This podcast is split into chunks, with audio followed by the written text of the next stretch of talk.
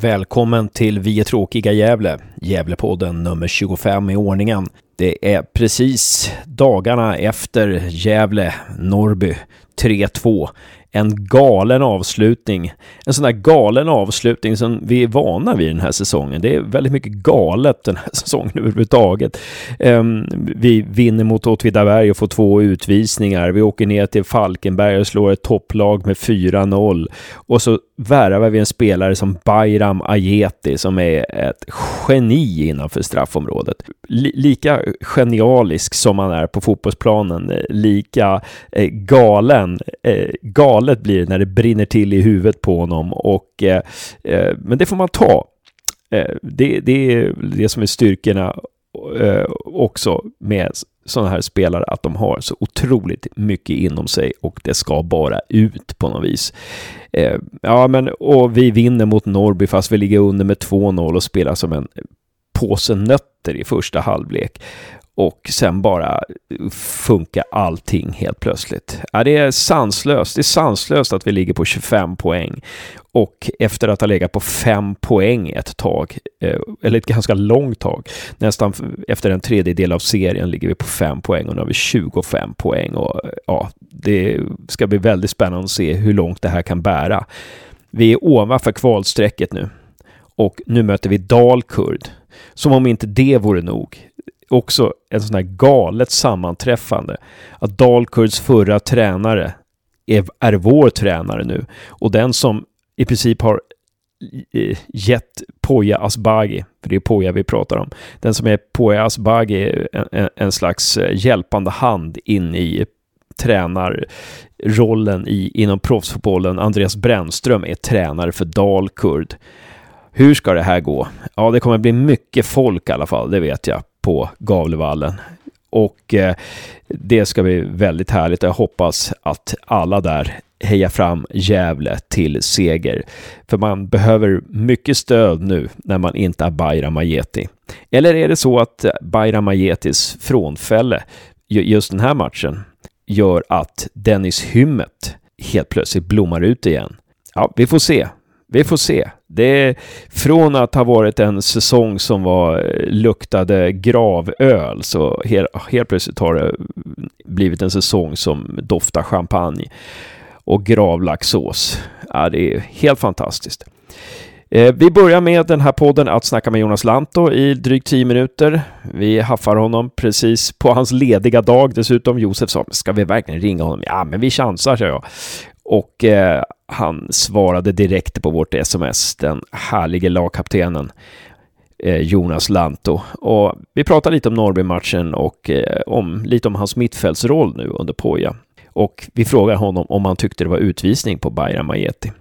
Därefter så snackar jag och Josef i eh, 20 minuter och analyserar Norrby-matchen och ser fram emot mot Dalkurd-matchen. Och eh, sedan så eh, beger jag mig, Hasse, till Gavlevallen för att prata med Klara Engstrand, vår skyttedrottning i Gävle IF som precis har vunnit sin serie. Man vann ju division 2 södra Norrland i lördags eh, efter att ha slagit Edsbyn med 5-1, efter att ha legat under efter en tredjedel, en tredjedel av matchen med 0-1. Där Klara för övrigt gjorde 2-1 målet. Eh, vi pratar med Klara Engstrand och tränaren Thomas Axlund, eller jag pratar med dem. Vi pratar lite om säsongen som har varit och ser fram emot nästa säsong, för då spelar vi faktiskt i division, division 1 norra Svealand, tror jag att det blir. Och vad är, vad är det som krävs av laget då? Behöver vi in, ha in några nyförvärv? Ja, det behöver vi ha in, men eh, vilka typer av spelare behöver vi ha in? Och sådana saker.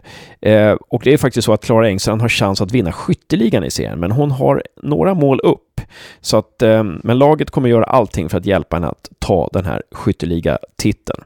Hur som helst. Eh, jag bevittnade träningen innan mitt snack med Thomas Axlund och Klara Engstrand och det var jäkla imponerande träning. Väldigt bra träning fast av ett lag som redan har vunnit sin serie. Det måste jag säga.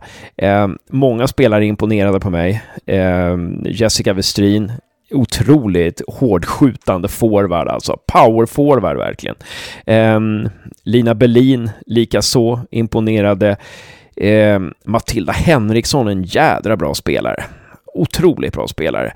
Och, men den som imponerade mest av alla, det var nog Anna Björklund. Och eh, det ryktas om att hon är på gång till Sundsvall. Jag hoppas att hon stannar i Gävle. För att, och får ni chansen så ska ni gå och se Gävle IF den 23 september på Gavlevallen.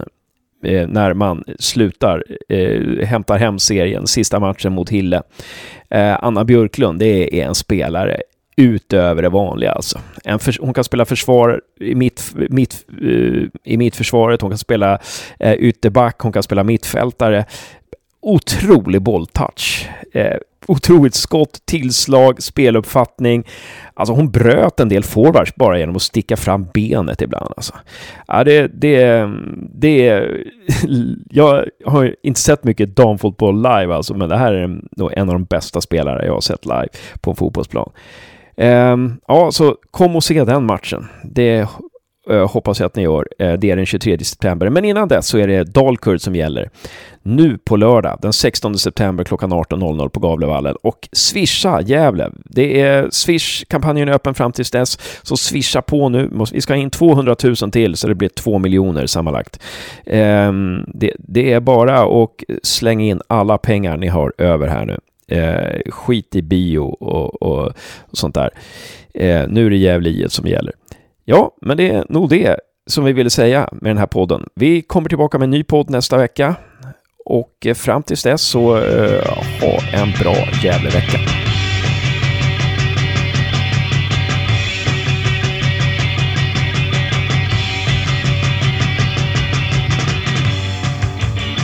Ja, men tjena Jonas Lantto, Hasse Carstensen här. Tjena. Tjena Josef också. Tjena.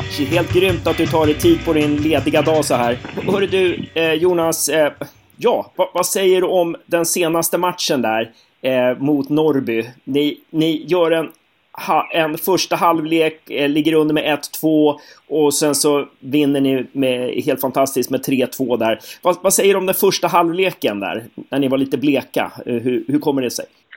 Ja, vi hade en matchplan som vi, vi skulle väl sätta lite tryck på deras alltså backlinje från början. Men vi var väl lite obestämda där och sen satte det sig, eller ja, vi gick väl ner oss kanske lite efter min passning där som gick lite fel som de gjorde 1-0 på. Så hade vi väl, det flöt inte på riktigt som vi var med. Sen Norrby gjorde det svårt också. De gick ner med i stort sett alla gubbar. Vi, ja, det var väl lite dåligt bolltempo och dålig rörelse i första. Sen gör de de har väl egentligen inte heller så mycket. De är 2-0 på en hörna där som vi slarvar igen på. Men vi lyckas göra ett mål innan paus och vi kände ändå i halvtid att vi, vi kommer vinna det här liksom. Och sen ändrade vi på lite grejer i uppställningen så fick vi mycket bättre vinklar och bättre rörelse och tryckte ner dem. Så gjorde vi till slut, lyckades vi vända på steken. Det var skönt. Vad pratar ni vad pratade ni framför allt om i pausen? Ja, vi, vi hade en plan med att ha lite en fyr, fyr, offensiv fyrback i första halvlek med att de var så tajta defensivt i mitten. Men vi kom inte tillräckligt högt upp med som vi ville så de kunde försvara ganska lätt. Så vi gick ner mittbackarna fick, och jag skulle vara lite mer i mitten och sen sköt vi upp Jesper och Kralj ännu mer i andra halvlek så vi skulle få bättre vinklar och ge lite fler frågor till det, deras lag. Och vi hittade ytorna mycket bättre i andra halvlek. Mm. Överraskade Norrby er? Gjorde de någonting från början där som ni inte hade räknat med, eller? Nej, det var vi som inte var tillräckligt bra. Vi skulle inte bjuda på några omställningar där och min, man ska inte slå sån där passning som jag gjorde. Och då får de ju det där kontrings, alltså 1-0 på, så de kan ligga ännu mer och bara vänta på kontringar. Så det, det var väl det var inte oväntat att de skulle spela så. Vi bjöd på två mål där och gjorde inte det tillräckligt bra offensivt så de hade en ganska skön matchbild i första. Men jävligt starkt att vända 2-0 till 3-2 trots allt. Ja, just det. Ja, det är oerhört starkt, oerhört starkt av er att komma tillbaka där. Men om vi ska återvända lite till den här första halvleken igen då. Eh, om, vi ska, om vi ska röra om lite i såret. Eh, nej, men, men, men eh, när man, man, såg matchen så kändes det som att det var ganska spänt från er sida. Att det var, det var otroligt många passningar som gick fel och det var lite sådär, tror att det var, satt mycket i huvudet sådär. Att det var, det var som att liksom nästan varenda glidtackling kom fel och det blev lite sådär, lite det synkade lite dåligt. Lite tekniska misstag. Tror att det var mycket mentalt? Nej, alltså, jag vet inte, det kändes ingenting, alltså innan i alla fall. Sen, det var ju en viktig match, de låg ju tre poäng före oss och sen får de ett billigt 1-0, det är ju ganska naturligt att det kan hända att man blir lite, alltså man vill så mycket direkt, även fast det är 80 minuter kvar, att man Börja jaga lite och stressa upp sig och göra fel saker fast man, det är gott om tid liksom. Det är väl det. Och sen, ja, som jag sa innan, vi, vi gav inte varandra möjlighet med våra positioner och rörelsen. Så det, det går väl hand i hand. Man passar till varandra när man kom, där man inte ska ha bollen och tvärtom. Så blir det lite tidsnöd och fel relationer till varandra. Så man, det ser svårare ut än vad det är. Eller det blir svårare än vad det ska behöva vara. Ja, du, du, gjorde en felpass där på 0-1 målet, men du gjorde en otroligt snygg grej för 1-2 målet där. När du gjorde liksom, du var på väg att göra en glidtackling liksom, och så reste du dig från glidtacklingen och, och passade ut om det var Piotr du nådde. Någonting. Kommer du ihåg den aktionen där? Mm, ja, den kommer jag ihåg. Den, den var väl rätt bra? Jag tänkte väl, ja det var, det kändes som han skulle gå in först i situationen så tänkte jag glidtackla ut till jag trodde att det var en av våra spelare fria där till vänster. Men då hörde jag att det var någon i deras lag som ropade där. Och så såg jag att han avvaktade lite. Då han är precis dra tillbaka foten och dribbla av han istället. Så det blev, det blev bra faktiskt. Ja, det var jäkligt bra. Jäkligt bra alltså. Jag tänker Jonas, har du varit med om tidigare att ni har hämtat upp ett 0-2 underläge till vinst under alla dina år? I en tävlingsmatch? Inget jag kommer på i alla fall. Det har gått 0-2 till 2-2 har vi gått någon gång. Göteborg borta till exempel. Ja, just det. Ja, och Malmö-matchen var inte jag, det var året innan jag kom. Ja, just det. Just det.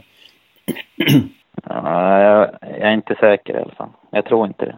Nej. Ja, vi får fråga Jimmy Morén helt enkelt om det där. Um, men, men, ehm, och sen så andra halvlek. Kände du när ni gick ut i andra halvlek att vi kommer vinna det här? Ja, faktiskt. Det kändes som att vi har varit så pass bra länge och vi har sån kvalitet i laget och speciellt när vi fick 1-2 målet där kändes, kändes det som att vi fick extra energi. Och sen började vi direkt i andra och tog tag i matchen och tryckte ner dem. Så det, det kändes som jag sa innan i omklädningsrummet redan att vi, så man kan ju säga mycket i omklädningsrummet här som inte alltid spelar någon stor roll, men det kändes, det kändes som att vi skulle vända på matchen. Ja, men kanon. Men det jag tänkte fråga dig i alla fall Jonas, det var du har ju fått en ny roll här under Poja. Du har fått spela en ny fotboll. Hur trivs du med det? Ja, det jag trivs bra. Det passar min spelstil bra. Laget bra. Så det, det är roligt och nu går det bra för hela laget och för mig personligen också. Vi har börjat ta fler och fler poäng här, så det, det känns bra. Och hur mycket har du fått förändra i ditt spel för att eh, kunna anpassa dig till eh, den här rollen? Ja, så jag spelade lite inne i mitt fält redan förra året och det är lite med vart man ska vara spelbar och vart man ska vara i försvarsspel och det gick väl ganska snabbt att anpassa sig. Man har ju spelat några säsonger nu på högsta nivå så man har haft bra skolning med Pelle och Thomas i taktiskt. Så det gick ganska fort att ställa om. Är det någon skillnad för dig med den här, för alltså du hade ju en defensiv central roll även för Thomas i början av säsongen. Vilken är skillnaden mellan den här defensiva centrala rollen som du har för Poja gentemot Thomas? Mm, ja, det är väl, det är väl lite mer eh, man-man i försvarsspelet och sen i anfallsspelet ska jag väl balansera upp eh, ganska många spelare som skjuter upp i spelyta två. Så deras mittfält trycks ju ofta ner så jag får lite mer tid i vändningsspelet så jag kan fördela bollar där och sen ska jag läsa andra bollspelet och det är väl lite mer eget. Alltså man är lite en, mer ensam ibland där. Men i och med att vi har så mycket folk upp så är det, och så räknar vi in bakifrån med backarna. Så det är väl lite enklare kanske också på samma gång. Ja, intressant.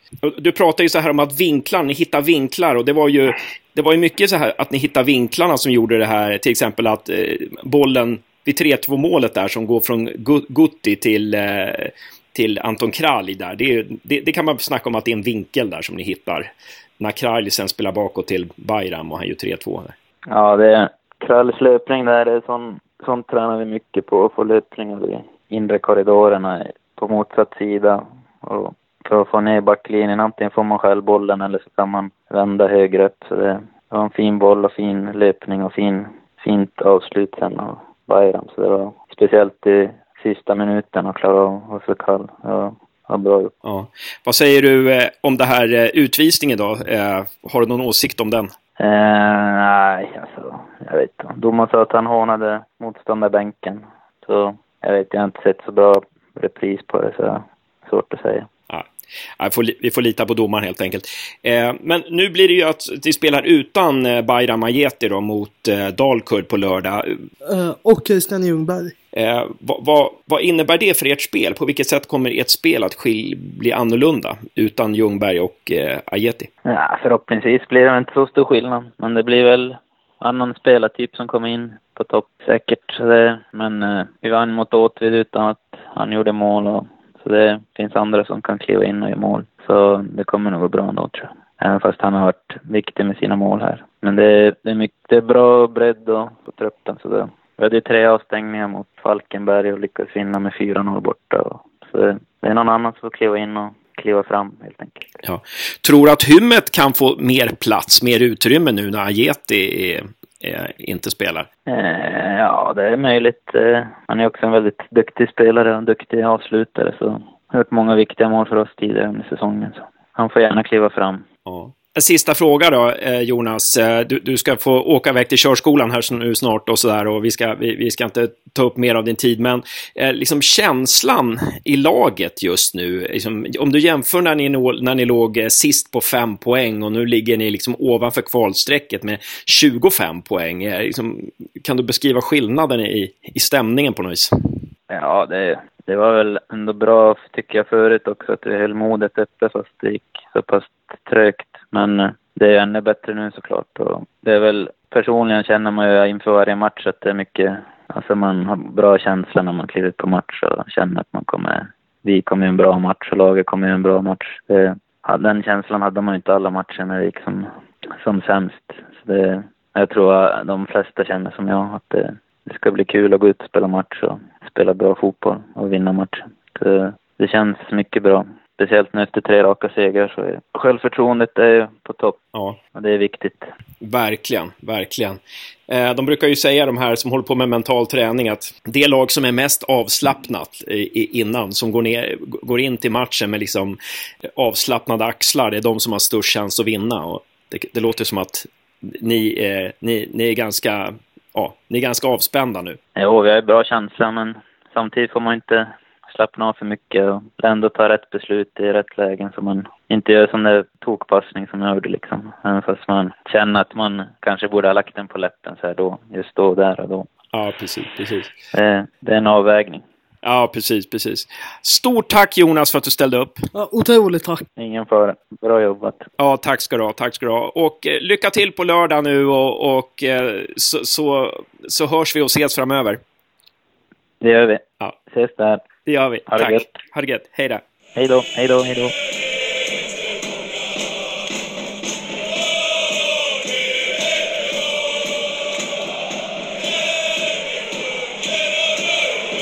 Ja, då sitter vi här på Brynäsgatan i vårt boende, Josef och jag. Och eh, vi har precis pratat med Jonas Lanto Imorgon så ska jag åka ut till Gavlevallen och snacka lite med Thomas Axlund och eh, tjejerna som har klarat av det som eh, inte många hade trott innan säsongen, nämligen att vinna division 2 Norrland. Eh, med bred marginal. Med bred marginal dessutom. Och två matcher i handen. Ja, och eh, det, det vi... Eh, det är tisdag när vi sitter här och eh, det vi har att eh, prata lite om det är ju matchen mellan Gävle IF och Norrby som gick av stapeln i söndags och sen ska vi väl se fram emot matchen på lördag mot Dalkurd i Superettan. Om vi börjar med Norrby-matchen. Vad... Eh, du som var på den, jag var ju sjuk och såg den från tvn. Eh, dina känslor direkt efter slutsignalen? Väldigt skönt att vi lyckas nå upp till förväntningarna i en match som gäller väldigt mycket. Eh, min första tanke var ju att intervjua ju Simon Eriksson innan match och han sa ju att spelarna i Norrby är ju inte heltidsspelare. Och redan där fick jag känslan av att nej, men nu vinner vi det här. Sen börjar matchen när vi ligger under med 2-0 eh, och det ser riktigt, riktigt kört ut. Men sen får vi den där reduceringen i halvtid och då säger jag igen att nu, nu lever vi. Vi hade kanske fått ett kryss annars om vi hade haft tur. Och det hade ju varit helt okej. Okay, men där, just den stunden levde vi. Sen är det väl mycket lägen. Eh, mycket boll andra halvlek. Och så gör Bayram 2-2 på ingenting. För ingenstans. Uh, och sen den otroligt fina skottfinten. Och att han har lärt sig för en enskilda match att man inte ska panga iväg den allt vad man har. Utan lägga in den lätt. Utvisningen däremot fick jag en känsla av att, det, alltså först tänkte jag att det kan verkligen ställa oss nu när Norrby kommer få någon minut på sig. Då var vi tvungna att ta ut Hymmet istället och sätta in Björkman. Men de hade de tror på sig själva. Och det är skönt att nu när man tror på dem så lever de upp till förväntningarna. Mm. Och ni stod, ju, ni stod ju kvar i klacken där ett tag eh, efteråt och eh, hur, hur, var stämningen direkt efter slutsignalen där? Var det många som stannade kvar på sitt plats också? Ja, det var många som stannade kvar på sitt plats, många som stannade kvar på ståplats. Det var en väldigt lättnad, för, var känslan. Det var en glädje och en lättnadskänsla. Det var inte riktigt det här att det här var ju mer än bara tre poäng. Det här var, alltså visst, en poäng idag mot Norrby hade ju varit ändå att ja, vi ligger tre poäng efter dem. Där tre poängen kommer vi ta någon annan gång i sådana fall. Men nu var det att vi tog just tre poäng. Och det känns så mycket skönare när man kollar tabellen nu. Att man ligger där på säker mark istället för att man, hur ska man säga, har väldigt kort väg upp till säker mark. Mm. Ja, det, det, är ju fantastiskt att vi har klam, kla, kravlat oss över det här kvalstrecket också. Och eh, säk, precis, vi är, är ju på säker mark, men vi är ju inte säkra där än. Det är ju inte, det är inte så att vi på något vis har säkrat någonting, utan det är fortfarande väldigt öppet.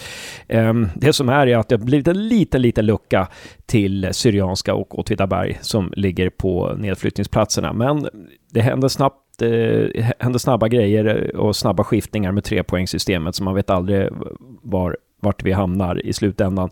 Men det, det, det och jag ska också förtydliga för lyssnarna att när du säger att du pratade, intervjuade tränaren innan Eh, det är så att du pratade, satt i vippen där på VIP-restaurangen och intervjuade tränarna för Gävle IFs räkning före match där. Ehm, och det, det, det, det kan vi ju återvända lite till. Hur, vad sa Poja när du pratade med honom då i vippen före matchen? Var det någonting speciellt han sa där som, som du la märke till? Nej, jag lade inte riktigt märke till något speciellt han sa.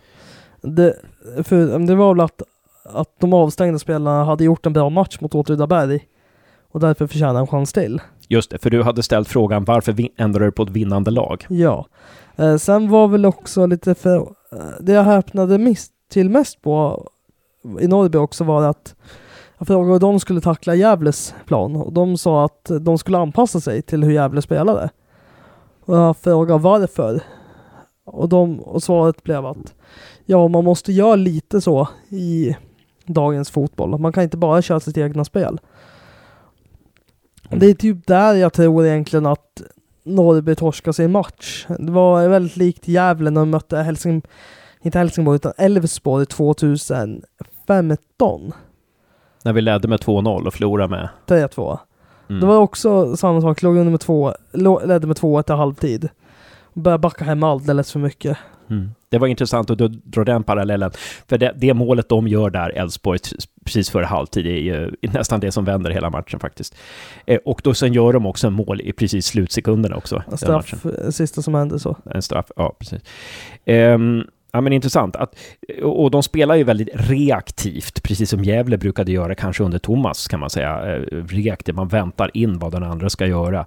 Eh, sen sa ju Norrbys tränare på presskonferensen också att de hade inte räknat med att få ha så mycket boll. Och det jag undrar är om Gävle verkligen hade räknat med att eh, Norrby skulle ha så mycket boll. Eh, det lät ju inte så på Jonas Lant och det lät ju på honom som att man, hade, man skulle gå in och pressa hårt på deras backar, eh, deras uppspel och så vidare. Eh, och antagligen erövra boll ganska snabbt. Men, men den planen sprack på något vis. Eh, kan du... Ja, jag, jag lade märke till snabbt i eh, första halvlek framför allt. Nej, andra halvlek väldigt mycket när Norrby fick ha lite mer boll stundtals. Att eh, de ville ju inte ha någon boll alls. De ville ju att Gävle skulle ha bollen och att de fick anpassa sig efter dem. Men nu fick de lite väl mycket boll och de var inte bolltrygga. Det var ofta så att till slut så blev det ett nedspel i backlinjen. Där backen tjongade rakt upp. Vilket blev, alltså... Norrberg är ändå ett, ett skickligt lag. Men det är ju bra, det är inte hur dåliga spelare som helst, det är ju ändå bra spelare. Men så otroligt eh, bollrädda nästan. Att inte kunna hålla i boll. Och det är nog därför jag tror att de kommer snubbla nu när det gäller som mest. För att de... Jag vet inte, de... De har inget eget spel. Nej, de har inget eget spel utan de anpassar sig till motståndaren. Mm. Lite som GIF har gjort förr. Mm. Och det fungerar mot vissa lag. Man kan, kanske kan anpassa sig vissa matcher som Malmö borta, Östersund, AIK. Östersund säger jag bara för att, inte för att de är ett superlag, utan det är för att spelar man lågt försvarsspel mot dem så gör de knappt något mål. Eh, Ja. Nej, precis. Eh, det, det som jag upptäckte när jag såg matchen och sen har jag sett om den också, ehm, är att som jag sa när vi pratade med Jonas Lant också, att det var otrolig... Alltså, vi var inte synkade från början. Och det, jag undrar, det hade varit intressant att eh, höra med Poja där. Vi kan väl prata med honom efter Dalkurd-matchen om det också. Eh, den här matchen finns ju kvar att diskutera. Men vi var inte synkade från början. Det var, var varenda tackling, varenda, varenda passning, alltså varenda löpning, det var någonting som var otajmat i, i, i första halvlek där. Och i, även i början av andra halvlek faktiskt. Eh, det var så otroligt mycket som gick fel. Eh, och som du har varit inne på, tekniska fel var det, men också det här att det inte synkade liksom. Att, eh, mm, ja, man, det var de mest enkla passningarna de mest enkla passningarna Eh, misslyckades. Alltså när, jag, kommer ihåg, eh, eh, jag kommer inte ihåg vem det var som skulle spela, men vi hade alltså två spelare som löpte till höger och en av våra mittfältare skulle slå en boll till en av dem och slår den på Norrbyspelaren som springer mellan. Alltså det, det var det var märkliga händelser där i första halvlek som jag inte riktigt kan sätta fingret på. Det, det, jag har nästan inte sett en så svag halvlek under Pojas ledning faktiskt. Det skulle vara någonting borta mot Degerfors i så fall, när vi var lite osynkade där i första halvlek. uppvärmningen, våren blev ju störd. Vi fick, det var en speciell uppvärmning för att sprinklerserna som vattnar plan gick igång mitt i uppvärmningen på Gävles planhalva. Och det vart Poja rätt förbannad på, vilket man såg och han sa även senare. Men det var också en sån här grej till varför att, alltså när ens matchuppvärmning inte går som det går, utan man måste förändra den mitt i så blir det väl ett litet störelsemoment. Det var det jag kunde se, om det är något jag ska koppla lite till så är väl det man kan koppla till oskärpan i början. Mm. Då man inte får göra sin uppvärmning som man alltid har gjort. Ja, just det. Och sen, sen, det kan mycket väl ha varit det. Sen så tror jag, det här är min teori också, att jag, jag tror liksom att vi har slagit ett topplag på bortaplan med 4-0. Det kan vara svårt att komma till hemmaplan då, inför den största publiken för säsongen och eh, agera utifrån det. det. Det blir faktiskt lite krav på en att ja, nu ska vi agera som ett topplag. Nu ska vi agera som ett vinnande lag. Nu är vi bättre än Norrby. Vi ska slå Norrby. Alltså, jag, jag tror att de här tankarna kan ha satt eh, myror i huvudet på folk. Eh, jag, jag tror att någonstans där ligger också en sanning. Eh, och vi får väl se, vi ser om vi kan snacka om den här matchen i slutet av säsongen. Det skulle vara spännande. Det är, lite, Mm, det är nu man måste börja vända det här från att allt har varit underdog till att man faktiskt är favoriter. Och att det har nog varit rätt skönt för Gävlespelare att gå in som i varje match. Att, att vi är underdog så att, att vi har allt att vinna. Medan nu har vi mycket att förlora helt plötsligt. Mm. Eh, det är väldigt intressant för att när vi går in med 16 poäng mot Åtvidaberg till exempel, då är ju Åtvidaberg i, i hela Sveriges ögon så är Åtvidaberg favoriter i den matchen. Eh, och likadant när vi går in mot Falkenberg så är vi, så är vi eh, favorit så är vi liksom underdoggen i den matchen. Eh, helt sant som du säger. Och nu har vi fått väldigt mycket press och det är, eh, och, ja, vi ska vara bra och så vidare. Så, vidare. så att det här var en, en ny, ny situation, nyttig situation tror jag också för oss. Ehm, ja, men då kanske vi ska gå in på den andra halvleken.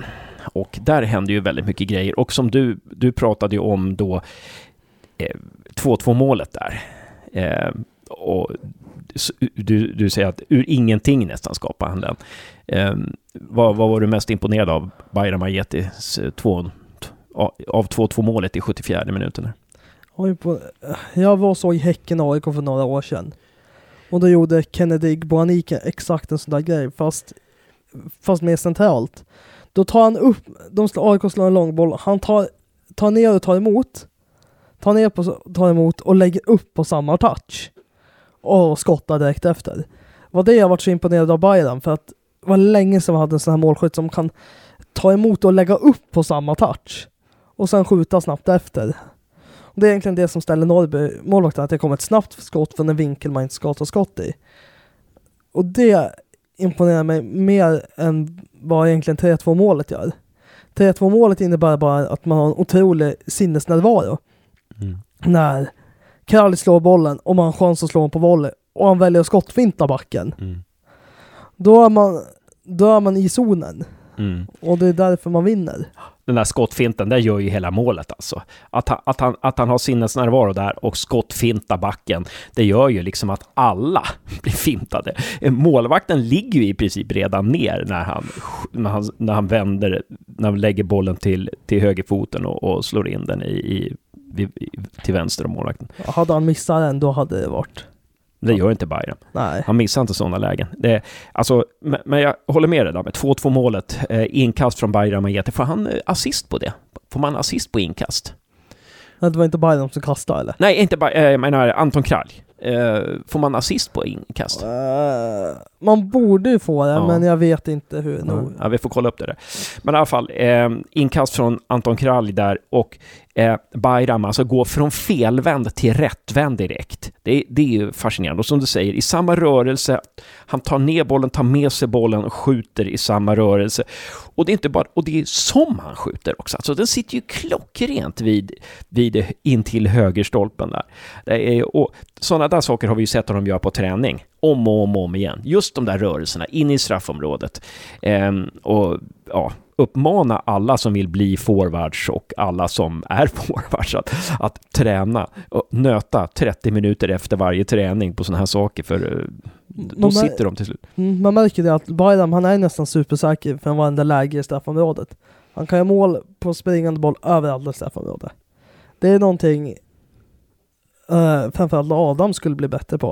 Om man skulle lägga ner samma träning som Bayram, så skulle han vara mycket väl vara superettans bästa målskytt inom snar framtid. Mm. Eh, men apropå Adam där, då kommer vi till Adam och ehm, Eh, eh, nej förresten, vi, ska, vi, kommer in på Adams start och startelvan till Darkur-matchen. Eh, vi måste ju bara säga någonting om utvisningen här. Eh, han blir utvisad. Jag tycker det är svårt att titta på de här bilderna efter, för jag tycker det är så jäkla jobbigt att se när han blir utvisad. Bayram Majeti direkt efter 3-2 målet. Ehm, eh, ja, vad säger du om utvisningssituationen? Alltså jag får alltid en dålig känsla när Per Melin dömer till att börja med. Vi, han får en varning för snack, en, en varning för hån medan det är massa Norrby gör massa kapningar och får knappt någon varning. Eh, väldigt konstigt. Eh, när man kollar på reprisen så ser man faktiskt att han gör något litet. Så visst, det ska väl vara ett till gult, men samtidigt pekar ju Victor Nilsson eh, fingret mot hemmaklacken. Och ingen såg det. Men det, vad fick han? Han fick ingenting. Så jag tycker väl det är lite... Vad ska man säga? Jag tycker man ska ha lite mer känsla som domare. Mm. Poja var inne på det att det, alltså det, det är hemmaplan, det är sista, man avgör på övertid, då bör domaren ha lite mer känsla. Det, det jag kan tänka med, med domaren här, det är att om man tittar på reprisen av matchen så Ajeti är varenda domslut är han där och hoppar. Och alltså, det man, man måste säga att Bayram har ju han, han, han, är ju en känslomänniska, liksom. han reagerar med hela kroppen på, på saker och ting. Men det är sånt där som adderas upp i domarens minne. Eh, jag har själv varit domare, eh, även om det var länge, för, eh, för länge sedan. Och det, sånt där adderas i domarens minne. Att, eh, och man blir liksom lite Eh, jobbig i domarens ögon. Och, och till slut så, så, så klarar inte domaren längre och det, det här varningen som, som Bayern fick under matchen för snack, det har ju säkert varit någonting som har varit på gång under hela matchen, för han är väldigt känslomässig, eh, Bayram. Eh, och sen så var det eh, en kompis som håller på helt andra lag men som är lite engagerad i Gävle. Um, han sa att ja, men det är helt klart. Han som utomstående sa att ja, men han, han, han skriker ju åt uh, deras bänk. Det är inget snack om saken. Alltså, så att det där får ni bara svälja. Så det kanske är så att um, det, det ja, det finns en, en, en sån synpunkt i alla fall att ja, men det, vi får ta det där kortet. Och, ja. jag, jag kan tycka så här att Bayrams första varning när man går till, går till den situationen, visst det är en varning för han springer upp där mittplan och tjabblar med domaren, men det är nästan utvisning på Norrbyspelaren där. Som smäller in mm. Strömberg i ryggen otroligt nära cementet. Utan någon anledning. Och han blir bara varnad. Det är lite sånt där att, att det är ju farligare än att skrika något till motståndarbänken. Mycket farligare. Mm. Ja, precis. Alltså, och det, det, är väl det som vi irriterar oss på också, att det är så otroligt många varningar och utvisningar som kommer för snack alltså. Och, och för, för, för, för, disciplin, i disciplinfrågor när eh, det är så många grejer som silas eh, bort alltså många liksom farliga fysiska situationer som borde rendera i varningar och utvisningar som inte gör det. Um, Piotr blev ju, blev ju uh, tacklad där i 85 minuten och vi fick frispark, men den tacklingen såg inte bra ut. Alltså, jag förstår inte hur det inte kan vara varning på den. Alltså, han kommer bakifrån och har ingen chans på bollen. Um, men, men, men. Man kan också tänka så här att Bayrams temperament, det är till hans fördel i, under matcherna, för hans temperament gör att han är ettrig, att han vill vinna och så vidare och så vidare. Så det är hans fördel där och då kanske man får ta nackdelarna. Man har ald- jag tänker så här, man har aldrig riktigt sett någon sån här spelare jävla på länge som verkligen vill vinna. Verkligen visar det hela tiden i sitt kroppsspråk. Och sen framförallt, nej, Ja. Så, om man också ska gå in på innermittfältarna, den matchen. Vi har, ställer upp med då vi har Montiel, Lant och, Ljungberg i andra halvlek. Ja, om, det beror på hur man ser Ljungberg i den matchen, om man ser honom som forward eller som äh, mittfältare eller utommittfältare. Jag tänker bara, det här hade ju aldrig varit möjligt för, med förra årets trupp. Då hade alldeles för dåliga mittfältare. Men i år har vi Alltså det, i superettan känns det som att vi har bättre trupp än vad vi hade i allsvensk, allsvenskan förra året. Ja, det är faktiskt fascinerande. Um, och en tränare som får ut väldigt mycket av det. Jag pratade också med ett Norrköpingsfan som hörde av sig till mig och sa det att um, Kujovic, vad hette han i förnamn? Emil eh, Emil Kujovic eh, i Norrköping.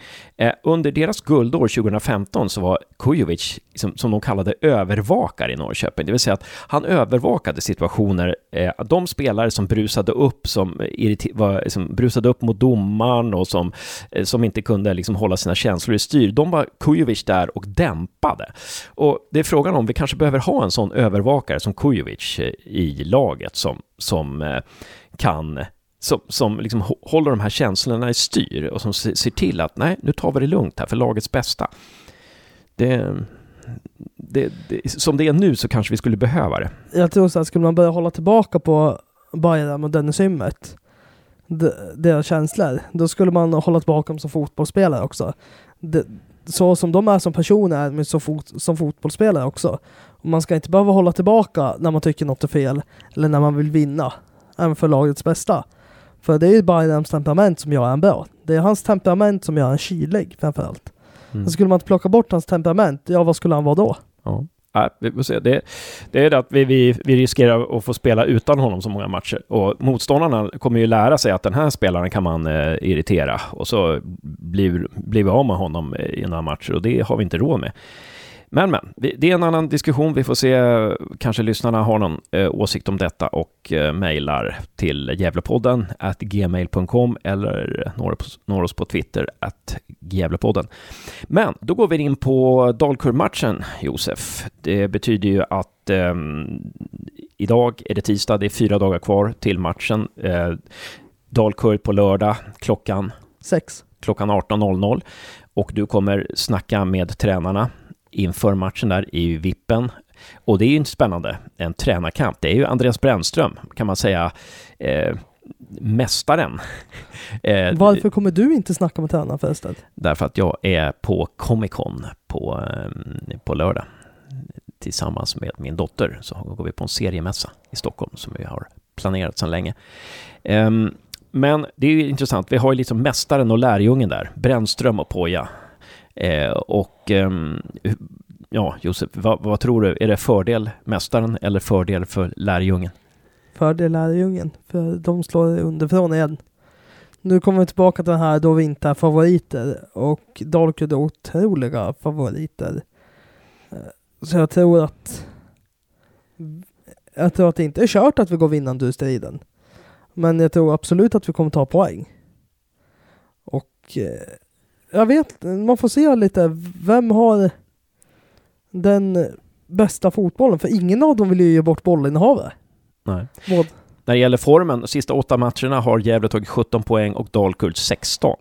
Även om Dalkurd är obesegrade de sista 12 tror jag, så har det väl varit väldigt mycket o, många oavgjorda på slutet här. Eh, och eh, vad, vad, tror du? Tror du Poja vet mer om Dalkurd än Brännström vet om Gävle? Så borde det vara, för Brännström har inte jobbat i Gävle. Mm, Dal, Poja har jobbat i Dalkurd. Så det vore ändå logiskt att Poja kan mer om Gävle än vad nej, kan mer om Dalkurd än vad Brännström kan om Gävle. Mm, det borde vara så. Och frågan är hur vi spelar. Blir det så här reaktivt som mot Falkenberg, att vi lurar upp dem och slår om? Nu har vi ju för sig inte Bayram, så att... Uh, jag tror att nu när, framförallt nu när vi inte har Bayram så kommer vi vilja föra spelet. Jag tror att det bästa mot just Dalkurd är att vi har bollen. För att jag tror att Poja vet exakt hur farliga Dalkurd är när de får ha mycket boll. Och det har man ju även sett i tabellen. De är ju otroligt, otroligt vassa när de får spela sitt spel. Och det, och det vore dumt att på hemmaplan framförallt också att ge bort sitt fina spel. Mm. Det, det, som är är ju att Adam antagligen kommer gå in och det man ser på Adam, han spelade bara, ja, med tillägg, så tio minuter spelade han då i mm, eh, söndags. Men man ser att han är fruktansvärt bra form, Adam Bergmark Wiberg. Man bara ser det på hans utstrålning, han, på, hans ned, på hans skarvningar, hans nedtagningar, hans aktioner, hans rörelsemönster, att han är i bra form alltså. Eh, så att jag tror att det är det är ingen nackdel för oss, för oss att ha Adam eh, framåt. Eh, men frågan är hur vi ställer upp. Om vi ställer upp med tre forwards till exempel, om det, om det kan vara så att det blir Hymmet, Gutti och Adam eh, som spelar där framme. Vad tror du? Hymmet, Adam och Ljungberg? Nej, Ljungberg är avstängd. Ljungberg är avstängd, ja. Så jag tror att det blir Gutti. Äsch, ja då måste det bli Gutti. Mm. Jag tyckte Gutti gjorde en väldigt halvdan match på hans inhopp sist. Men eh, nu får han ju konst från start igen och hoppas vi att han fyller den platsen. Ja, visst, han gjorde några, eh, kanske några lite felpass och lite missbedömningar, men jag tycker ändå han var viktig. När jag såg om matchen så tycker jag faktiskt att Gutti gjorde en jäkla bra ah, jag tycker han gjorde det väldigt bra. Hans eh, vänsterfot där, hans inlägg till eh, Anton Kralj ja, den, här, den här vinklade passningen, eh, diagonalbollen in i straffområdet till före 3-2 målet i, i söndags var ju otroligt snygg alltså. Eh, nej, men jag gillar Gutti. Om vi eh. inte spelar mot all förmodan eh, 4-4-2? Nej, eh, hymmet Adam Hjälte. Ja, det skulle kunna vara en grej också. Hjälte verkar långt ifrån en position igen i laget. Mm. Lite, Adam får komma in med väldigt kort tid kvar. Och Hjälte får inte komma, alltså. Det är inte så konstigt i mig. Men jag tänker lite han gjorde ju mål matchen innan Hjälte. Mm. Med typ ett fint avslut, eller mm. väldigt fint. Och eh, Adam får komma in sådär i slutet. Men då, då, om Hjälte kommer in, då kommer det i så fall betyda att vi inte eh, jobbar med snabba omställningar, utan då, då kommer vi Hjälte vara target eller någonting sånt där. Eh, då kommer vi jobba, då, ska vi, då kommer vi vilja kontrollera matchen mer med större bollinnehav. Um, och jag tror ju inte att vi, vi, vi kommer att eh, ja, jag skulle bli förvånad om, om, vi, om vi söker stort bollinnehav mot Dalkurd. Men jag kan ha fel, jag kan ha fel. När jag läser forum så där, eh, där Dalkurd-fansen yttrar sig så är de otroligt missnöjda just nu. Eh, men eh, ja, de, de, tycker själva att de är ineffektiva och sådär. Men vi får se. Eh, vad jag vet nu så är ingen i Dalkurd avstängd till matchen på eh, lördag. Ja, eh, och... är värt att notera att Dalkurd har gjort 48 mål i år och släppt in 18. Ja, det är starka siffror. Det går inte att snacka bort alltså. Verkligen inte. Nej, men ehm, eh, och sen så kan vi väl säga att lördagens match också är slutet på Swish-kampanjen. Där kan man swisha vilt och det är eh, dubbelt som gäller. Och alla som har swishat hittills eh, går in gratis. Får så många eh, biljetter tror jag som antal swish man har gjort. Har man swishat tre gånger så får man tre biljetter. Ja, det verkar som det. Och att de har sökt alkoholtillstånd och arbetar för att få igenom det till matchen. Man kommer även få sitta på eh, Solsidaläktaren. Och vad jag har förstått. Så det är ju väldigt bra plats att utnyttja. Så mm. jag tycker ni som har swishat, passa på och gå på matchen nu. Och även ni, det står även längst ner i utskicket att ni som inte har, alltså ni som har swishat, men inte kan gå på matchen, får ändå fribiljett till vilken annan match. Mm. Ja, det är bra. Bra erbjudande. Eh, nej men hörru du Josef, då tror jag att vi ger oss här va? Det tycker jag. Ja, bra jobbat och sen håller vi tummarna på lördag. Eh, och eh, sen fram tills lördag ska jag njuta av att vi ligger ovanför kvalstrecket. Så jäkla härligt.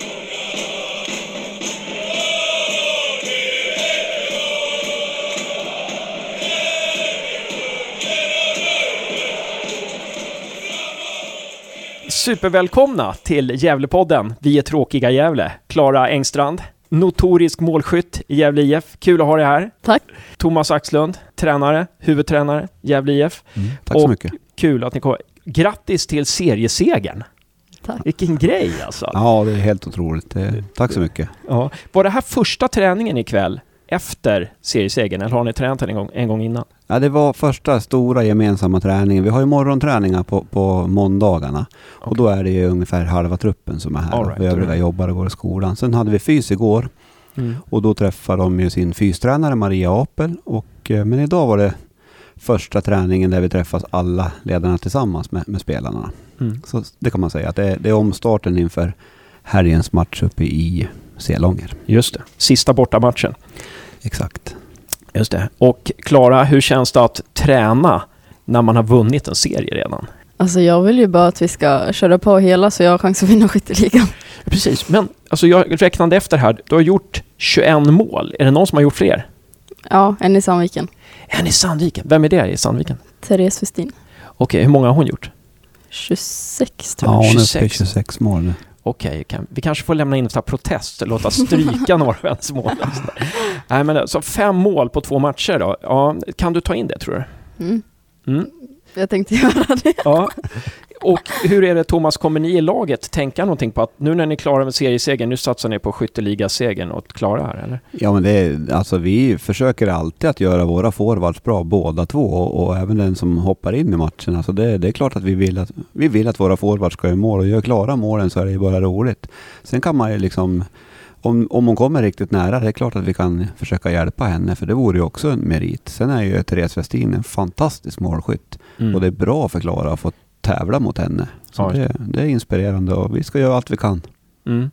Någon som var bra idag på träningen, forward, det var Lina Berlin va? Väldigt. Var det inte hon som satte det här långa skottet på träningen idag? Eller blanda ihop henne med någon annan då? Men det var Julia. Jag tror det var Julia Praneskog som satte långskottet. Ja, det var det. Okay. Men, men, men Lina satte också något. Ja. ja. Nej, Lina var bra. Det är ja. helt klart. Hon har, hon har gjort en väldigt fin höst. Mm. Ja, det här, vi, ska, vi, vi, ska inte glömma Julia där heller. Det var ett otroligt långskott här på träningen. Så att eh, ni borde ha varit med och sett det alltså. Eh, alltså det är ju fin konkurrens. Du har ju mycket konkurrens. Känner du av den, eh, Klara, att konkurrensen där, att man måste liksom prestera, att annars åker man ut, eller hur, hur känns det? Ja, det känner man ju. ja. Eh, vad, vad, är det som kan göra då, liksom, om du har gjort fem svaga minuter, börjar liksom tickar då inom dig att Ja, så man kan ju tänka om man gjort en dålig start. Så kommer jag känna lite när det kommer Thomas byta ut mig efter typ 30. Men då blir man oftast bara mer peppad av det. Ja. Och vill köra hårdare. okej. Men det är ungefär 30. Det är, liksom, det är, inte, det är inte efter sju minuter utan det är Nej. ändå, man får ändå 30 minuter på sig. Ja, om man inte har varit riktigt, riktigt dålig kanske. Ja, det har väl aldrig hänt ut efter sju minuter. Nej, men det, det händer. En, vid enstaka tillfällen så brukar jag kunna ta en, i och med att det är fria byten i division 2, så har det hänt att jag tar en forward i 30 minuten. Och speciellt när Glory var hos oss, då var det ett standardbyte. Då fick hon ofta sista kvarten i första halvlek på grund av hennes fina egenskaper. Sen har det där hållit i lite grann, så jag har bytt mellan, mellan Lina och Jessica egentligen i 30 minuten. Och rätt eller fel, men i många matcher har det fungerat bra. Och nu har ju Mm. Klara intagit den positionen att hon har ju varit den forward som har spelat 90 minuter de flesta matcherna. Så. Okej, okej Mm. så. Ehm, hur var din förra säsong? Är det här din första säsong i A-laget, eller hur? Nej, jag spelar här ända sedan, ända sedan jag började spela fotboll. Okej, Så okej. jag var liksom här när vi startade upp det. Så du har varit med sedan Gävle IF eh, startade sin damverksamhet liksom? Ja. Och du har spelat i A-laget hela tiden sedan dess då, eller? Mm. Okej, okej. Så hur många mål gjorde du förra säsongen? Ingen aning, men det var inte lika många i alla fall. Nej. Jag kommer heller inte ihåg. Klara har ju varit... Ja. Var det så? Ja. Nej, jag vet inte. Jag bara Nej, slänger mig. jag, nej, jag vet att vi, vi hade den som vann skyttel, ja, den som vann skytteligan i fjol, det var ju Ida Pettersson som lämnade oss i sommaruppehållet och Elin Berlin. De gjorde ju sex var de, så jag, vet, jag kan inte säga vad Klara gjorde, men Klara har ju varit en spelare som har täckt upp där det har fattats folk och som kan spela på väldigt många platser. Så att eh, en av förklaringarna skulle jag vilja säga det är att du har spelat till dig en ordinarie forwardsplats och då har du gjort det välförtjänt. Men eh, vi har använt Klara lite överallt tidigare. Rätt eller fel, men, men så har det känts då i varje fall. Och när man tittar på statistiken, jag satt här idag och eh, gjorde, ägnade mig åt lite, så här, kollade och det verkar som att när Glory försvann, det är då verkligen du har gjort, då har du gått som en maskin, Klara. Det känns så, eller är det bara jag som sitter på stat, blind på statistiken, att, eh, att det är då som du har gjort fler mål? Ja, det är möjligt, men jag menar det, det är säkert att du har väldigt fin höstform och Glory försvann ju efter en match eh, in på hösten. Så jag, jag kan inte säga för att det var ju ofta så att jag bytte ut någon annan forward eh, till förmån för Glory. Du har ju spelat med Glory också. Mm. Eller har du något annat? bra? Nej, jag minns inte. Men har, har, på vilket sätt har du utvecklats den här säsongen? Tycker du? Eh, ja du. Det har varit överlag bara på forwardpositionen för att jag fått mer speltid där. Så det har blivit att man har kommit in i det mycket bättre. Mm. Mm. Ja. Och nick, du har ganska, gjort ganska många nickmål. När man kollar igenom statistiken så är det gan- ganska många nickmål. Sådär. Är det någonting som du har gjort förut också? Eller? Ja, så det har jag alltid gjort sen jag spelar fotboll. Ja, det är, det är så. Ja. Ja. Du hade ju några nickar idag också på träningen då. Mm. Eh, de kom lite utanför där, men det var ju, väl, var ju rena nickar verkligen. Alltså. Eh, och sen så du har ju alltså gjort mål i 12 matcher av 16. Det är också fruktansvärt bra alltså. Eh, och 21 mål där. Eh, men, och, så kan du vinna skytteligan. Eh, kan det finnas, när man gör så, här, så många mål som du, kan det vara så att man får samtal från någon annan klubb och sådär då? Eller? Jag har inte fått det, men jag vet inte. Nej, det är, det är troligt. Alltså det, det, det finns ju en, en överenskommelse mellan alla föreningar. Vi, vi ringer ju inte varandra innan serien är slut. Och det är klart att gör man 21 eller vad, vad Klara nu slutar på i division 2 så är hon intressant högre upp. Så vi, vi, och det är ju flera spelare som har gjort väldigt fina Mm. säsonger. Så, eller fin säsong. Så det, våra spelare blir ju intressanta högre upp också. Så Ja. är det ju. Och Klara är en utav dem. Mm. Men högre upp, pratar vi elitettan eller pratar vi damallsvenskan då? Ja, vi pratar nog i första hand elitettan skulle Ja. jag vilja säga. Ja. Ja, och Sundsvall har ju redan visat intresse för mittbacken Anna Björklund. Mm.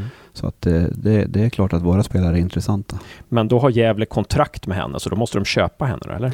Nej, vi har inga kontrakterade spelare Nej, i okej. år. Jag, jag hoppas vi ska kunna göra, ge dem någon form av ersättning 2018 och ha ett kontrakt med de här Mm. tjejerna. Det tycker jag de är värd.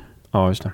Ja, men man tänker tänk, tänker på Anna Björklund, det är ju liksom klass rakt igenom och, och eh, Klara och, och, Jessica och, och, Lina Berlin och så tänkte jag på Matilda Henriksson och är också en jädra bra spelare alltså. Så att, eh, ja, ja, det vi, ja, du, du räknar upp fem och det, vi har ett bra ja, lag. Alltså, jag vill ju framhålla laget, det vill jag göra. Ja, precis, jag. Det, Men jag, jag, jag, som poddare kan ju göra Absolut, ja det kan du göra och jag håller med dig att de, de där fem du nämner är, är väldigt, väldigt bra spelare. Men, men borde inte Gävle IF då, borde inte liksom Per Lagerström då se till att teckna kontrakt med er nu då? Så att ni får lite pengar och sådär och treårskontrakt så att...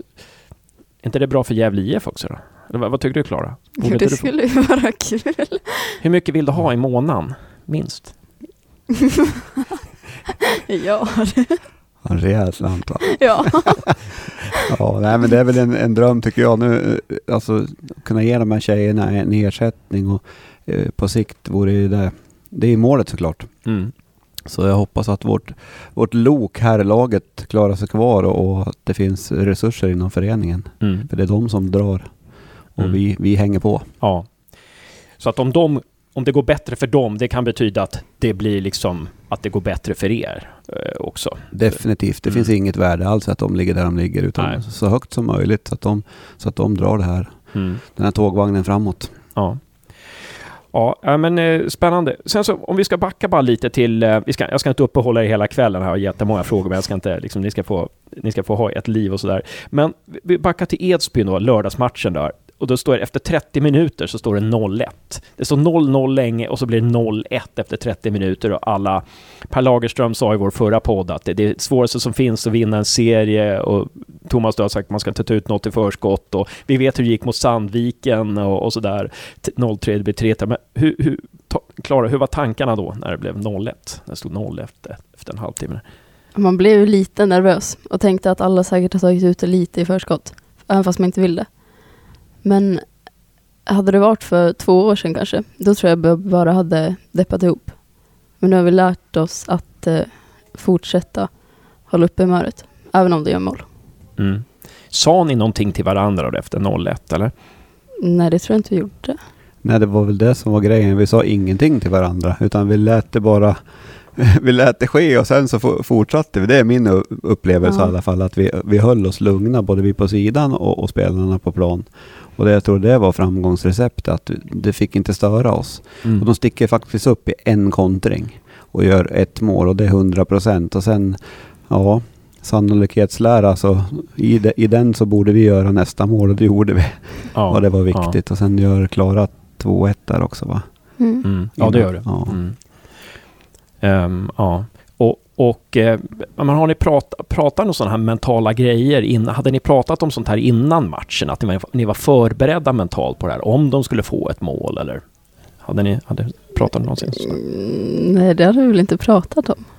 Nej, det, det ingick inte i vår plan att de skulle göra ett mål. Men jag menar, i all, i all, allmänt så är vi förberedda för vi har ju en motståndare på den andra planhalvan. Ja. Och de kan också göra mål. Mm. Och det är inget konstigt. Jag menar, och flesta lagen i, i tvåan är duktiga. Om man tittar på alla, speciellt Hälsingelagen, otroligt duktiga på omställningar. Så mm. gör vi inte vi rätt på mittplan, ja då, då, då, då, kommer de. Och de mm. gjorde en fantastisk utförd mm. omställning. Mm. Och som det blev mål på. Det, då får vi reparera det och det tycker jag vi gjorde. Ja, ja bara en grej som dök upp. Har ni filmat alla era matcher eller?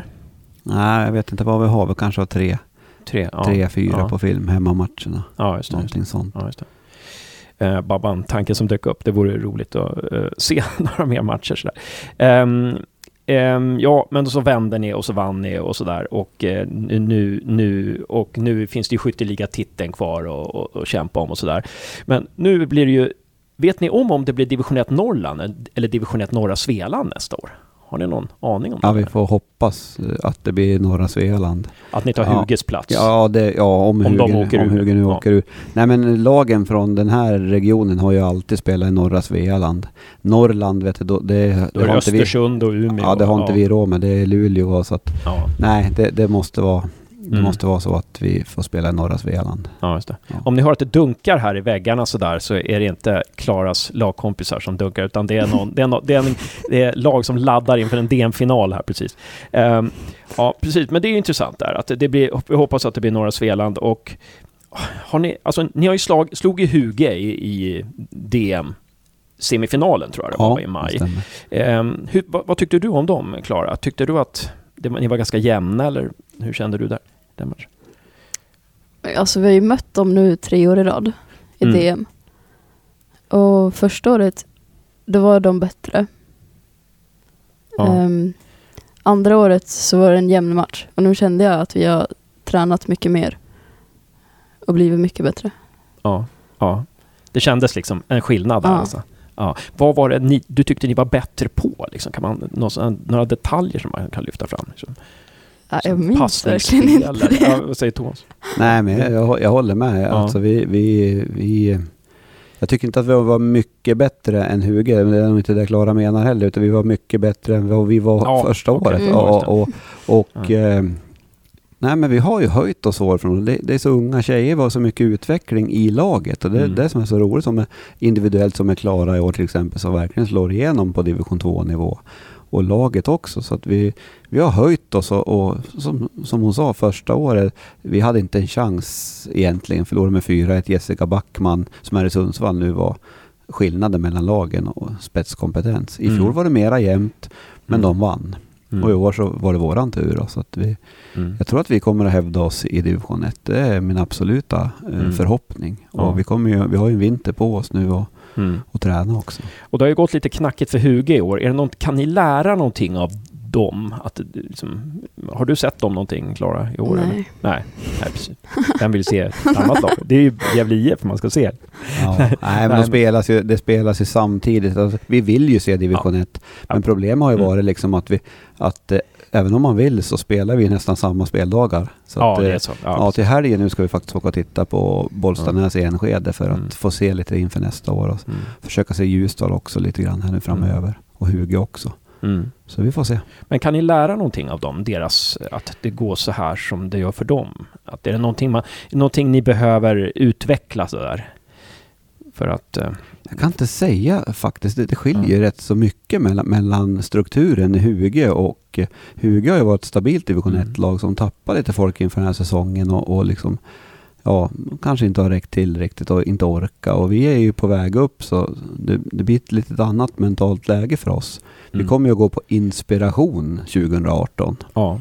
Mm. och, och tycka det är jäkligt roligt. Mm. Mm. Vad, vad, vad tror du, Klara, att ni behöver bli bättre på liksom, som lag? Är det någonting som du... Jag tror vi måste ta vara på anfallen Mm. väldigt mycket. För antagligen kommer vi inte få lika mycket anfall nu i division 1. Så då måste vi verkligen ta vara på dem när vi får dem. Mm. Mm. Sätta chanserna liksom. Mm. Men sen, då, sen är det inte flygande byte man nästa år, heller? Eller Nej. hur, hur är det? Nej, det är tre byten och Det är det, det, det, tycker jag är välkommet. Mm. Eh, faktiskt. Ja. Nu har vi bytt mer i år än vad vi, vad vi någonsin har gjort men, men jag tror att det passar oss ganska bra att eh, få mera speltid och, och tjejerna är ju vältränade så det ska, det ska kunna gå bra. Mm. Och det ska bli intressant också när man coachar laget att, att ha bara tre byten på sig. Mm. Mm. Så det, Ni, ni, är ju ganska orutinerat lag. Skulle ni behöva in några äldre spelare i laget? Ja, det kan vi nog mycket väl behöva. ja. Vi fick in några äldre nu. Och det har ju ändå gjort skillnad. ja, Mm. precis. Och om, ja, de är ju fyra år äldre än, än Klara då, född 95. Så att, eh, och det har vi sagt hela tiden att vi behöver ha in erfarenhet. Och det är Mm. klart att vi gärna fyller på med någon som har kanske division 1 erfarenhet och har några år. Har några hundra matcher i division 1. Mm. Det, det skulle betyda mycket för oss. Både Mm. på träning och match. Mm. Men de växer inte på trän. De, de Nej. äldre som vill komma hit och lägga ner det jobb som, som. Klara gör. Men eh, kommer ni aktivt leta efter de spe, spelare eller väntar ni på att spelare hör av sig till er eller hur funkar det där? Nej men vi ska väl titta, vi sätter väl oss ner eh, som förening och tittar vad, vad behöver vi. Mm. Och eh, det är klart att vi kanske blir lite mer offensiva än, vi, än vad vi någonsin har varit. Det, I fjol var det väl i princip så att spelarna ringde till oss. Men vill vi ha någon spelare så, så tror jag det är rätt år att gå ut och vara lite offensiv på någon. Mm. Och, men det handlar väldigt mycket om karaktär. Man Ja. måste ha in rätt karaktärer som, Mm. som vill lägga ner arbete och som, Mm. som liknar de här tjejerna. ja. Vill jobba hårt. Men för ni har, som det är just nu, att ni inte har, ni har inga, ni har inga löner, ni bekostar i princip träningsläger själva kan tänka mig och lite sådär. Men vad kan man erbjuda då om det ska komma en spelare? Eh. Ja, vi erbjuder ju miljön vi, vi befinner oss i. Det är den vi erbjuder. Sen om föreningen, om det kanske blir någon ersättning nästa år, det vet ju inte vi som sitter här mm. nu och det får vi väl höra med föreningen. Men det vi har erbjudit hittills, för det har ju kommit spelare varje år, det är ju att spela med de här spelarna i den här miljön, på den här fantastiska arenan. Med liksom ett lag och, och ledare som tror på de som kommer hit. Mm. Och, och nu också en, en förening som verkligen stöttar oss. Mm. Och så får vi hoppas att herrarna klarar sig i superettan nu så att det liksom blir ett, ett go genom hela föreningen här. Alltså det skulle vara fantastiskt alltså. Och den här Swish-kampanjen har gått jättebra. Så att det är ju verkligen positivt nu. Jag vet inte hur, hur ni upp, hur upplever du det Klara här med, liksom i föreningen? Känns det annorlunda nu gentemot i april, maj? Alltså jag har inte tänkt så mycket på, på det. Som spelare här liksom. Nej, intressant. Jag har ju mest bara tänkt på våran säsong. Ja, ja precis. Ja, men det är väl ganska naturligt också att en spelare i damlaget liksom går in i sin bubbla. Det förstår jag helt och fullt mm. att man gör. Och mm. koncentrerar sig på sitt. För det var ju mycket negativa skriverier. Men det får inte påverka oss och vår prestation. Nej. Så att eh, nej, det, det, det förstår jag Klara. Mm. Ja, men självklart. Ehm, och eh, ska vi se vart vi ska någonstans. Ehm, nästa säsong. Så ska vi, om, vi, om vi blickar tillbaka på den här säsongen då. Ehm, Klara, någon, vilken match hittills minns du mest? Någon match som står ut? Jag tänker tillbaka på de 16 matcher. Men jag minns väl den, vilka var det vi mötte? Det minns jag inte heller, men jag gjorde tre mål. Ja, det var hemma, Stensätra hemma i höst där. Mm. Gjorde du tre?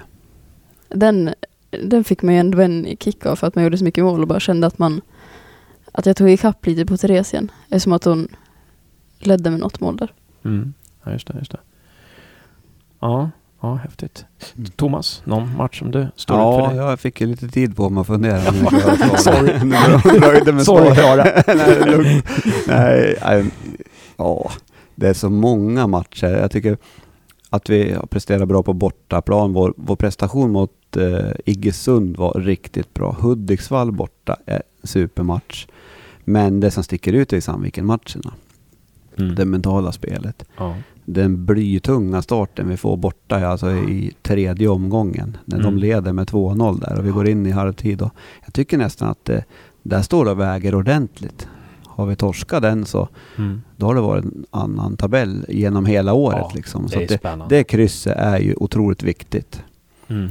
Och sen en match till som sticker ut, det är ju hemmamatchen mot Sandviken där vi, där vi får tre chanser och, och gör tre mål. Mm. Leder med 3-0 men eh, ja, släpper in ett onödigt mål i 45 och, och sen vänder det till ett kryss. Ja. Den är också viktig för tabellen. Mm. Så jag kan inte undgå att säga att Sandviken-matcherna sticker ut. Ja, precis. Ni hade tuffa, jag tror två tuffa mot Valbo också va? Ganska tuffa matcher alla fall en tuff va? Man ja. hade någon uddamålsseger där mot Valbo som... Ja, det, det, är möjligt att vi hade. Vi hade ju dem med DM också. Så ja. ibland, jag, mm. Men eh, jo, men med Valbo och sen den kanske tuffaste det är ju den i Stensätra. Där gör vi straff, Elin Berlin gör ett straffmål i första halvlek och Stensätra på Skogsvallen, det är ingen lek. Nej. Så det, det tyckte jag var en jämn match. Mm. Hille borta där vi vinner med 3-2, egentligen ingen jämn match utan de kommer upp i slutet och gör två mål. Men eh, Stensätra var, var jämn. Mm. Um, ja, um, jag, jag, jag, var ju lite besviken över, över vädret och omständigheterna som gjorde att det inte blev mer publik på Sandviken hemma där. Det var väl 360 åskådare någonting, så det var ju hyfsat ändå. Men, men eh, det var ju Pride-festival samtidigt och så var det, och så var det otroligt, alltså det värsta ösregnet på ett år eller någonting sånt där. Som skrämde bort folk. Men jag vet inte hur, hur ni kände där hur kände du Thomas? Eh, Den, var den speciell ändå? Blev det, någon, Ja, blev den- det den här inramningen som vi hade hoppats? Nej, jag hade hoppats på bättre inramning. Ja. och föreningen hade gjort ett bra jobb och liksom vi marknadsförde ju den på ett sätt. Och jag tycker att det, det skulle ha varit mera folk. Men jag tror att vädret skrämde bort en par hundra. Jag kan ju tänka mig själv om man är en sån här marginalåskådare att Mm. kanske jag ska gå. Ja, De, de närmast sörjande var ju där. ja. Det så är det ju. Men, men eh, jag, jag förstår ju publiken. Men jag tyckte det var synd för spelarna. Mm. Och Sa- Sandviken borta också är alldeles för lite folk på matchen. Mm. Okej, Så- mycket var det då? Jag vet inte, det var mindre än det här. Ja. Jag, jag, tror att DM-finalen mot Valbo, det är nog högsta publiksiffran. All right. Jag tror att det faktiskt var mer folk på DM Okej, okej. än eh, Sandviken hemma. Ja. Ja. Fansen brände av två bengaler också. Eh, de har ju varit här när de varit här. Det var ju, var ju hur roligt som helst. Så att, eh, ja det var kul. Ja, ja ha- vi, vi, har, vi har ju pratat med Hanna Sundin några gånger och, eh, och det här med fansen. Men, men ehm, eh, tror ni att, att om, om fansen ställer upp och stöttar, kommer det betyda mycket för er i, i division 1? Ja, alltså det betyder ju mycket. Man blir ju peppad av det. När det är någon som verkligen är där och hejar på oss och följer oss efter varje match. Liksom. Ja, ja. Ja, precis. Ja, ehm, ja, men fantastiskt. Och sen så hade ni segermiddag också, va, någonstans. Var, var käkar ni då? Ja, det var, på, det var inte på golfrestaurangen den här gången då. Det, utan det var på Mustasch. Mustasch uppe på Söder. Ja, Mm. och eh, det var väldigt uppskattat. Mm. Ja, Mm. sen så for de ut i Gävlenatten tjejerna. Och Ja. hade det säkert trevligt. Ja. Medan du åkte till bilagan och sjöng karaoke. Nej då, vi, vi ledare, vi var hemma hos oss och hade lite trevligt med, Ja. med våra respektive. Ja, Så vi, ja. det var en väldigt trevlig kväll. Det är klart att man ska njuta när man vinner en serie och man får inte uppleva det så många gånger i, i ett liv. Så att eh, vi, vi, vi firade ordentligt, det gjorde Mm. vi. Mm. Ja, men eh, stort tack eh, att ni ställde upp här i Gävlepodden, Klara och Thomas. Eh, är det någonting som ni vill tillägga? Någonting som ni tycker att vi har glömt här?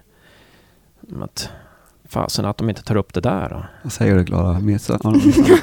Att de som lyssnar på det här nu ska komma och kolla på våra sista hemmamatch. Ja men helt klart. Helt klart. Det vore jättekul att få en fin inramning Hille hemma. Just det. Och tacka också för, för att vi får vara med i podden. Vi tycker att det är jättetrevligt. Så att, eh, hoppas ni som lyssnar kommer att titta på oss. Framförallt nästa säsong. Mm. Och Hille hemma, det är den 23 september, eh, har jag för mig att det var. Eh, det är alltså, vad blir det? Det är en lördag tror jag. Ja. Eh, och vad, nej, vilken tid? Är det någon som vet tiden där? 15 kanske? Ja, 15, 16 kanske? Något ja sånt där. någonstans där. Ja, vi har inte riktigt koll på den. Nej, precis. länge. Vi lever i ett informationssamhälle så de, de får googla det. Ja. Eh, ja, men det, det uppmanar vi alla. Eh, sista matchen, hylla Gävle IFs serieseger och eh, Klara Engstrands eh, för, förmodade, eller förhoppning, förhopp, vi- våra förhoppningar är att du vinner skytteligan där.